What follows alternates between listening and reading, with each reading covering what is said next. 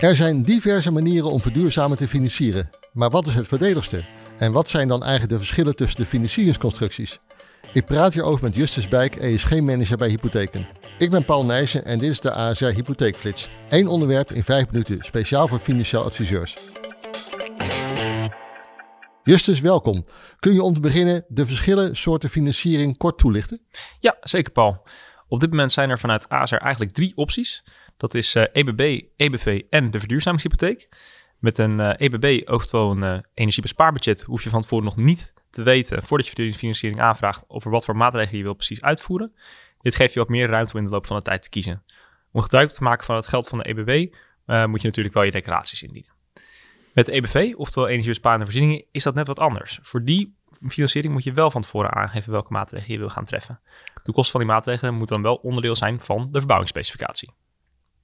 Dan heb je nog als eh, derde optie de verduurzamingshypotheek van ASR. Bij dit product hoef je als klant in het algemeen ook niet te weten uh, welke duurzame maatregelen je van tevoren wilt treffen. En kun je ze wel ook dan combineren met elkaar, die drie mogelijkheden die je noemt? Ja, ja dat kan zeker. Ja, je kan binnen de verduurzamingshypotheek mm kun je uh, kiezen voor, ik wil het alleen maar puur EBB hebben. Dat je, dus dat je, geen, dus dat je niet van tevoren weet. Mm Je kan volledig kiezen voor EBV, dat je het wel weet. Of dat je zegt, nou ja, ik weet dat ik zonnepanelen wil leggen, maar nog niet wat, wat dan anders. En dan kun je ze allebei nemen. Ja.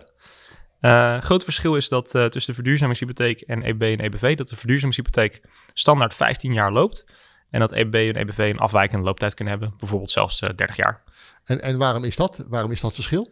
Ja, dat komt eigenlijk voornamelijk vanwege de terugverdientijd. Veel technische of bouwkundige maatregelen hebben een terugverdientijd van zo ongeveer 15 jaar.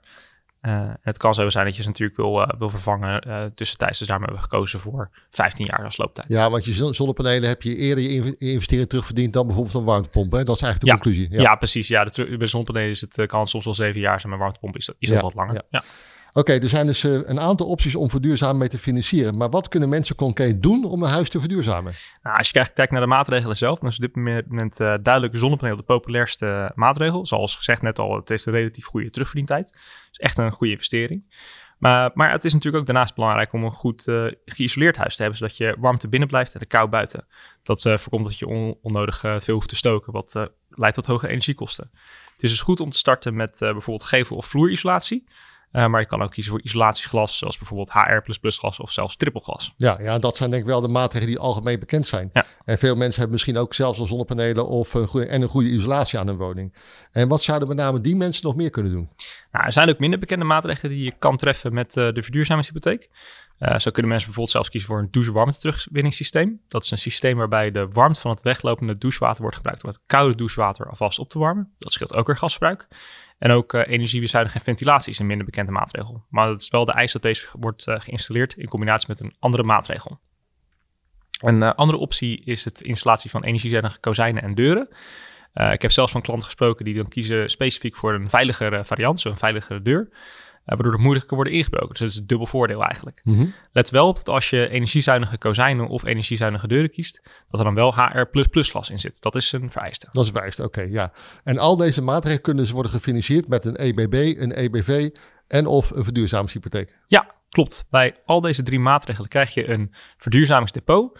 Uh, waarmee je dit kan, uh, kan financieren. Het is wel verstandig om van tevoren even te controleren wat dan precies ge, uh, gefinancierd kan worden. Mm -hmm. De overheid bepaalt namelijk welke maatregelen wel en niet gefinancierd kunnen worden met de EBB, EBV of de verduurzamingshypotheek. Op azr.nl slash verduurzamingshypotheek kun je controleren welke maatregelen op dit moment gefinancierd mogen worden.